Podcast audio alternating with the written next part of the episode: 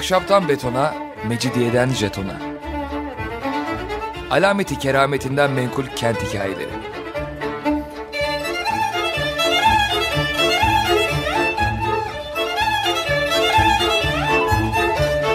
Hazırlayan ve sunan Pınar Erkan.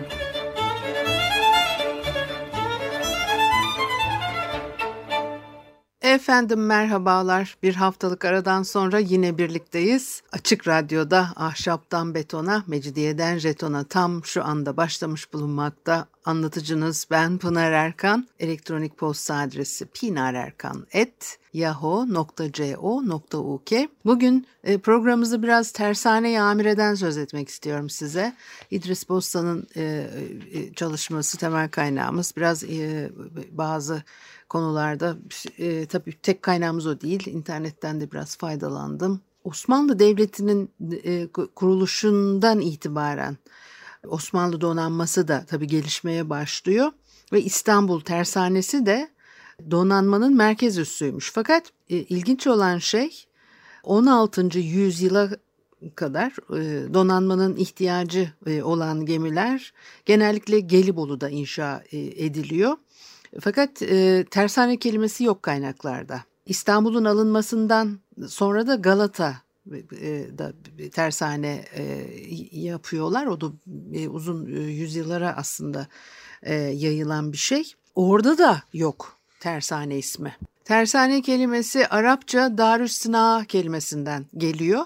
İspanya, Portekiz ve Venedik gibi birçok Akdeniz ülkesi tarafından kullanılmış yüzyıllarca değişik şekillerde. Ondan sonra da Türkçe'ye girmiş.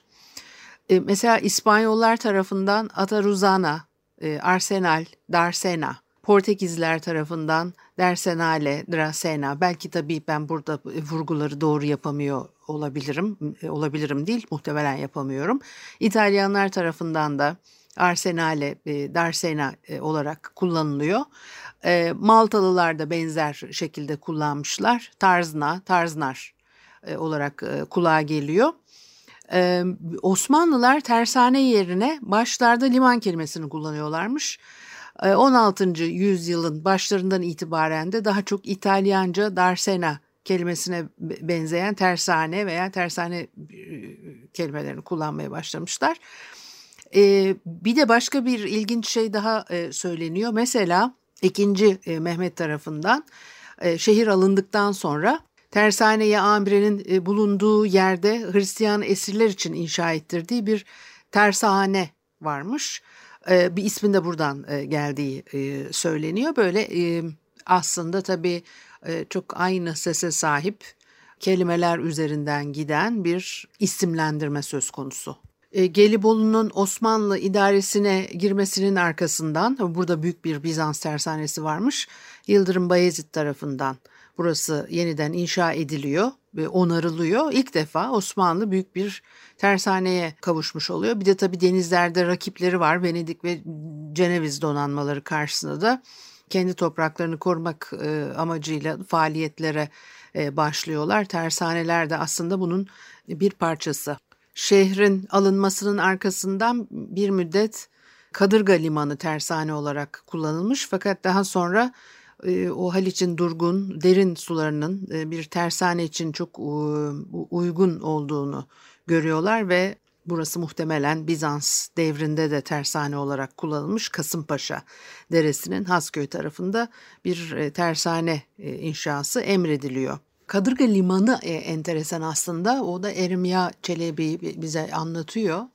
Ee, bir kere tabi biliyorsunuz da Bizans devrinden kalma, bilmiyorsanız da Bizans devrinden kalma aslında dört büyük liman var ee, Marmara kıyılarında e, bakıyoruz. İki büyük liman, Theodosius limanı bir tanesi. İkincisi Julianus veya e, Sofia e, limanı ki o e, sonradan Kadırga limanı olarak isimlendiriliyor. Bir de Halic'in kıyılarında Neorion ve Prosforion limanları var. Bunların hiçbirisi kalmadı. Ee, Osmanlı devrinde de aslında e, parça parça 17. yüzyıla kadar kullanılmaya devam edilmiş olmalarına rağmen kabaca söylüyorum 17. yüzyıl diye zaman içerisinde ya doluyorlar o Neorion limanı filan da bir veba salgınının oradan çıktığı düşünülüyor. Çok daha önce orası adeta iptal oluyor. Fakat Marmara kıyılarındaki limanlar devam ediyorlar aslında. Kadırga Limanı da o meşhur Julianus veya Sofya Limanı. İkisi de aynı isim. Daha doğrusu limana bir limana verilmiş farklı iki isim değişik zamanlarda adlandırılmış. İmparator e, Justinus 362 senesinde bu limanı yaptırmış diye tahmin ediliyor. Aslında yani ölmüş çünkü ertesi yıl 362 senesinde yapı işlerini kolaylaştırıcı bir yasa çıkarmış.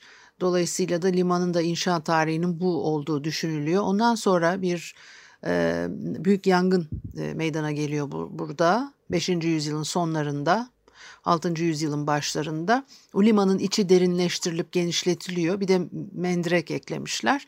Ondan sonra 6. yüzyılın ortalarında yine bir yangın. Burası yine tahrip oluyor ve bu sefer İmparator 2. Justinos tarafından yenilenmiş. Sonra da eşi Sofya'dan dolayı Sofya Limanı olarak e, anılmaya başlamış. Ee, bazen kafa karışıklığı olabiliyor. Bir limandan söz ediliyor farklı dönemlerde. E, o Justinos limanı ise o zaman so- Sofya limanı neresi gibi soru işaretleri e, oluşuyor. Bundan ibaret mesele. O heykeller, kaideler varmış. Ee, Doğu Roma İmparatorluğu sırasında zaten bunlara tabii çok e, rastlıyoruz. Kuleler, e, heykeller, obeliskler, yani dikili taş kuleler var. Tabii yıllar içerisinde bunlar ortadan kalkıyor. Kontos Kalyon limanının da aynı yer olduğu düşünülür. 8 ila 9. yüzyıllarda ticaret yapılan esas liman haline almış. Neorion limanından sonra özellikle e, öyle olduğu düşünülüyor. E, Bizans'ın ana donanma üssü olarak kullanılmış. Osmanlı döneminde de Kadırga Limanı adıyla e, kullanılıyor. 16. yüzyılın sonunda burada saray var. O limanın yaydığı kötü kokulardan dolayı Sadrazam Sokulu Mehmet Paşa tarafından e, doldurtulmuş. E, Kadırga meşhur tarihi yarımadadaki bir tabii semt. Portus Novus yani yeni liman demek bu isimle de anılıyor. Pek çok ismi olmuş bir liman olarak burası karşımıza çıkıyor. Tabii bu bölge bu Kolyon Sarayı'nın yakınlarında olduğu için de çok önemli. E, o tarihlerde bu Kolyon Sarayı da çok yani o da tabii neredeyse geriye hiçbir şey e, kalmadı. E, Latin istilasından çok az bir zaman önce İstanbul'u ziyaret eden Novgorod Başpiskoposu Antoine Kadırga Limanı'nı biraz anlatıyor. Diyor ki parmaklıklı muazzam bir demir kapıya rastlanır hipodromdan kondoskopuma giderken. Deniz bu ıskaradan e, geçerek şehrin içlerine doğru gider. Fırtınalı günlerde burada 2-300 kürekli 300 kadar e, gemi barındırılır. Tabii Kadırga Limanı Bizans İmparatorluğu'nun sonuna kadar kullanılmaya devam etmiş. 1550 senesine doğru da yine bir e, gözlemci İstanbul'a gelen anlatıyor. Limanın etrafı duvarlarla çevrilmiş. Burada bir su birikintisi var diye e, tarif ediliyor. O civardaki e, yaşayan evlerde kadınlar çamaşırlarını burada yıkarlarmış. Ve o suyun dibinde batmış üç çifteli çektiriler de görülürmüş. Çok ilginç değil mi? suyun kenarına geliyorsunuz. Orada çamaşırlarınızı yıkıyorsunuz. Suyun altında o kadar eski zamanlardan kalma limanı içerisinde batmış bir takım tekneleri, gemileri görüyorsunuz. Bugün baktığınızda da bunların hiçbirisi kalmamış. Sadece birileri kayıt altına almış. Bunları okuyarak ancak öğrenebiliyoruz bu güzellikleri. Tersane yapımına geri dönersek eğer e, Osmanlı donanmasının gelişmesi için 2. Beyazıt devrinde tabii gemi inşasına önem veriliyor. Fakat onun çok büyük bir katkısı yok. Asıl Yavuz Sultan Selim devrinde büyük e, değişiklikler yapılıyor. E, o da nedir? 16. yüzyılın ilk yarısına tabii tekabül eder. Bu dönemde Osmanlı padişahları denizciliğe büyük önem veriyorlar. O dönemin Venedik balyosu 30 Haziran 1513 e, tarihli bir mektup gönderiyor Venedik'e. Verdiği bilgiye göre e, Selim tahtaya e, çıktıktan bir yıl sonra Gelibolu ve İstanbul'da her biri 100 gözlü 200 e, kadırga kapasiteli olmak üzere büyük tersaneler yapılması emrini vermiş. Bunun için 200 bin duka para ayırmış padişah ve yeni kadırgaların yapımında eski kadırga kerestelerinde e, kullanılması emrini vermiş. Bu tersane gözlerinin inşaatı 1513-1514 senesi kış mevsiminde Galata surlarının batısındaki koyda eski Ceneviz tersanesinin bulunduğu yerde çok sayıda marangozun e, nezaretinde e, başlıyor. Bu, bu bölgede mezarlıklar var. Bu mezarlıkları kaldırıyorlar, kemikleri topluyorlar, yeni bir mezarlığa defnediyorlar o kemikleri. Ondan sonra da ortaya çıkan açık alanda tersane inşasına e, başlanıyor. 1513 yılının sonbaharında ilk dört göz tamamlanmış. Bu bölgedeki mezarlıklar biliyorsunuz yani 16. yüzyıldan bir örnek Ondan sonraki yüzyıllarda da ve 19. yüzyılda da ne zaman ihtiyaç olduysa bir alana mezarlıklar bu şekilde e, temizleniyor, arındırılıyor ve o bölgeler e, yeni inşaatlar ve başka amaçlarla kullanılmaya devam ediyor. Bir müzik arası verelim ondan sonra devam edelim. Efendim Açık Radyo'da Ahşaptan Betona, Mecidiyeden Jeton'a devam ediyor. Haliyle Pınar Erkan'ı dinlemektesiniz. Ve de 17. yüzyılda e, tersaneyi amire hani konuşalım dedik. 17. yüzyıl değil sadece ilk e, kuruluş zamanlarından itibaren e, nasıl bir gelişme söz konusu olmuş bu bölgede onlara bakıyoruz. 1513 sonbaharında tersanenin Haliç'te dört gözü tamamlandı demiştim. 1514 baharına gelindiğinde 50 ve yaz sonuna kadar da 100 tersane gözü bitirilmiş. Tabii seferden dönünce donanma gemilerin kış mevsimini karada e, korunaklı bir şekilde geçirmesi isteniyor. Bakımları yapılacak gerektiği zaman. Dolayısıyla iki tarafı duvar, üstü kapalı e, tezgahlar, gözler hazırlanmış. E, tersane gözü deniyor bunlara. Her birine e, tekneler, gemiler çekiliyor. E, kıyıda bitişik nizam yapılmışlar ve kalın e, duvarlarına karşılık çatıları kiremit kaplıymış. E, gözlerin her birine bir veya iki kadırga girebiliyor. Ayrıca gemi donanım malzemesinin konulduğu üstü kurşun kaplı ambarlar var. E, taş ambarlar bunlar. E yine o tersane gözlerin arkasında da kadırga yapım malzemelerinin e, korunduğu, üzerleri düz ve kurşunla kaplı birer mahzen inşa edilmiş. Tersane gözlerinin kara ve deniz tarafı açık bırakılmış. E, ve hani öyle tarif ediliyor ki Frank ülkelerindeki gibi inşa edildi bu tersaneler diye. Yine o kaynaklara baktığınızda Galata'dan Kağıthane Deresi'ne kadar e, uzanan yerde 500 göz olarak öngörülen bu e, proje 1515 e, senesinde 160 göz olarak tamamlanabilmiş. Ondan sonra da Gelibolu'da üstlenen o tersane faaliyetleri İstanbul'a taşınıyor. 17. yüzyıl dedim ya ikinci bölümün başlangıcında yüzyılın ortalarına gelindiğinde o tersane gözlerinin sayısı yani kullanılabilir halde 140 kadarmış. E, tersane müştemilasına bazı ekler yapılıyor. O tersane gözleri bazen e, onarılıyor, tamir ediliyor. Mesela 1659'da hasar gören üç göz e, tamir edilmiş. Gözler arasındaki duvarın üstünde oluklar var. Kurşunla kaplatılmış filan. O detaylar da hep e, kaynaklarda geçiyor. O tersane gözlerden ibaret değil. E, binalar var. Mesela Baruthane Kulesi, 70 Kapıdan Mahzeni, Kürekhane, e, Yedi Kurşunlu Mahzen, Yeni Divanhane, Sanbola Zindanı, Cirit Meydanı Kasrı, Şahkulu Kapısı, Meyit İskelesi Kapısı yer alıyor.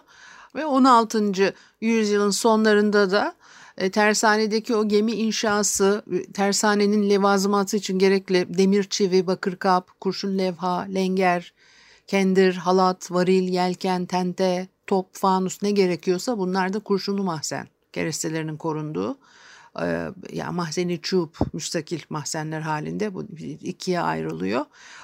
Sadece tek tabii bir yapı kompleksi olarak bunlar karşımıza çıkıyor. Tabii o aynalı kavak kasrı da yine burada Evliya Çelebi'nin e, yazdığına göre İstanbul'un alınmasının hemen arkasından Otay'ı e, Otağı Hümayun kurularak ganimetler dağıtılmış. Ve 2. Mehmet aynı yerde bir kısır, sofalar, işte havuz, şadırvanlar, hamam yapılmasını istiyor. Ayrıca 12 bin servi ağacı dikilmesini de istemiş. Yani tabii biraz abartılı görünüyor bu sayılar. Fakat e, burası bir orman halindeymiş o zamanlarda. E, tersane bahçesi olarak isimlendiriliyor. Bir e, e, kasır burada gerçekten o dönemde yapılmış mıydı, yapılmamış mıydı? Tersanenin 16. yüzyılda Haliç'te Kasımpaşa'ya yerleşmesi üzerine kıyı ile Ok Meydanı'nın o sahile bakan yamaçları arasındaki geniş e, arazide tersane bahçesi haline geliyor. Ve e, has bahçedir burası çünkü padişahlara e, mahsus. Hmm, sarayın çeşitli sebzeleri yetiştiriliyor, bostanlar. Bir de has ahır yine burada. En eski kasır Tersane Bahçesi'nde yapımı belgelenebilen Sultan 1. Ahmet zamanında inşa edilmiş. O da 17. yüzyılın başları oluyor yine.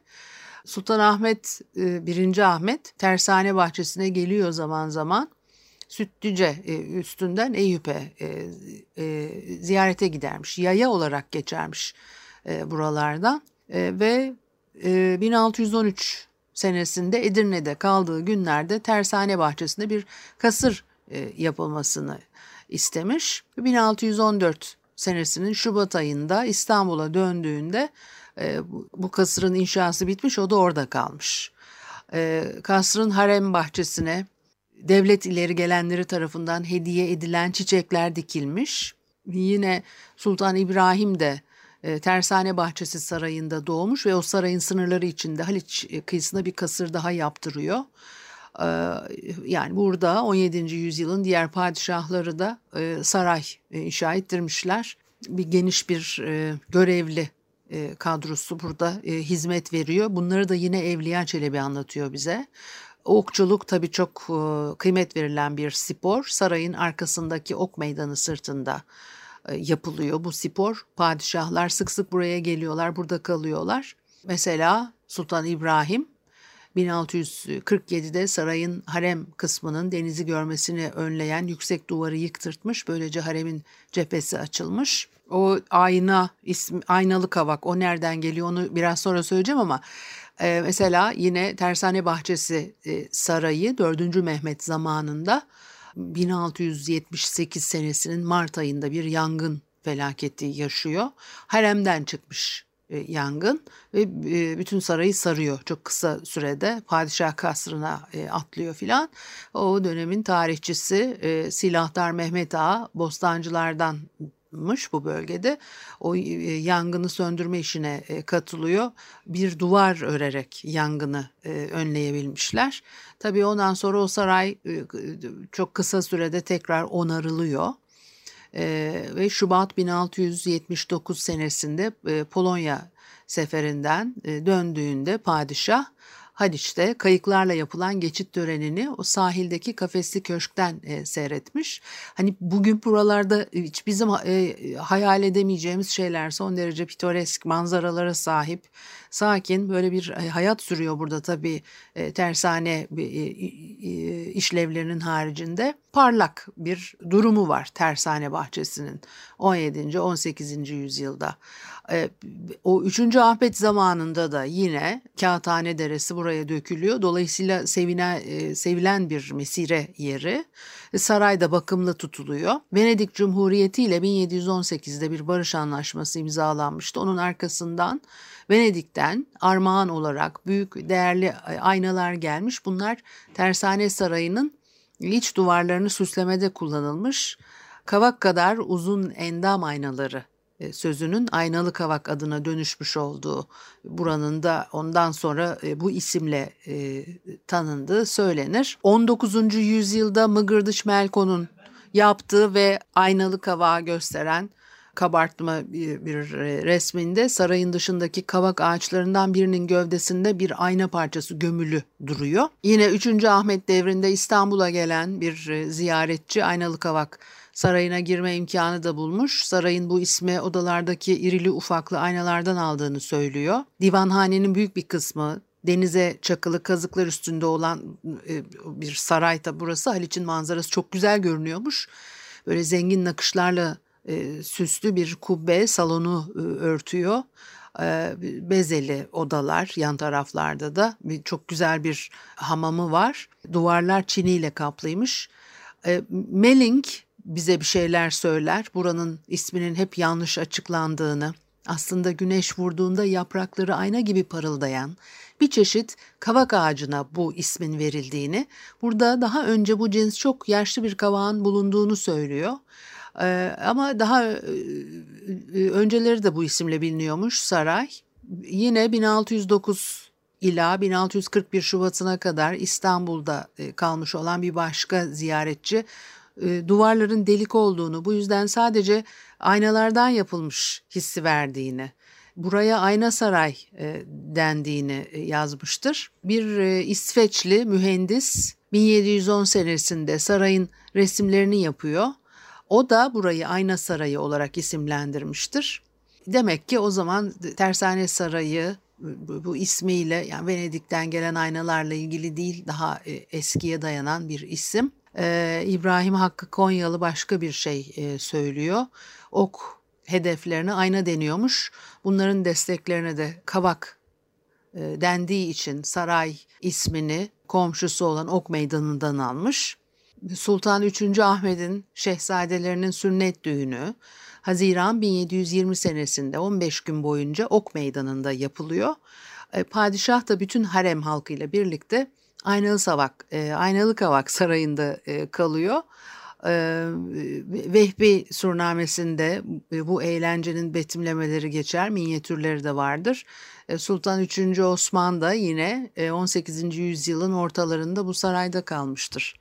Ee, Osmanlı Devleti ile Rusya arasında 1774'te Küçük Kaynarca Anlaşması imzalanıyor. O anlaşmanın da bazı maddeleri e, tartışılıyor. Bu nasıl olacak? İki devletin temsilcileri Aynalı Kavak Sarayı'nda bir araya gelerek görüşmüşler. Dolayısıyla tabii burası o çok e, pek çok tarihi olayın yaşandığı bir e, yer olarak karşımıza çıkıyor. Tersaneden girdik. E, Kadırga Limanı'ndan devam ettik. Aynalı Kavak Sarayı'ndan çıktık. Haftaya görüşene kadar hoşçakalın.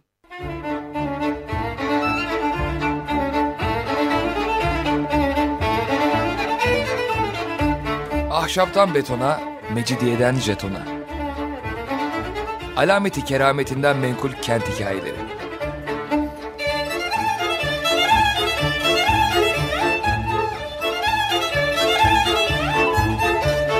Hazırlayan ve sunan Pınar Erkan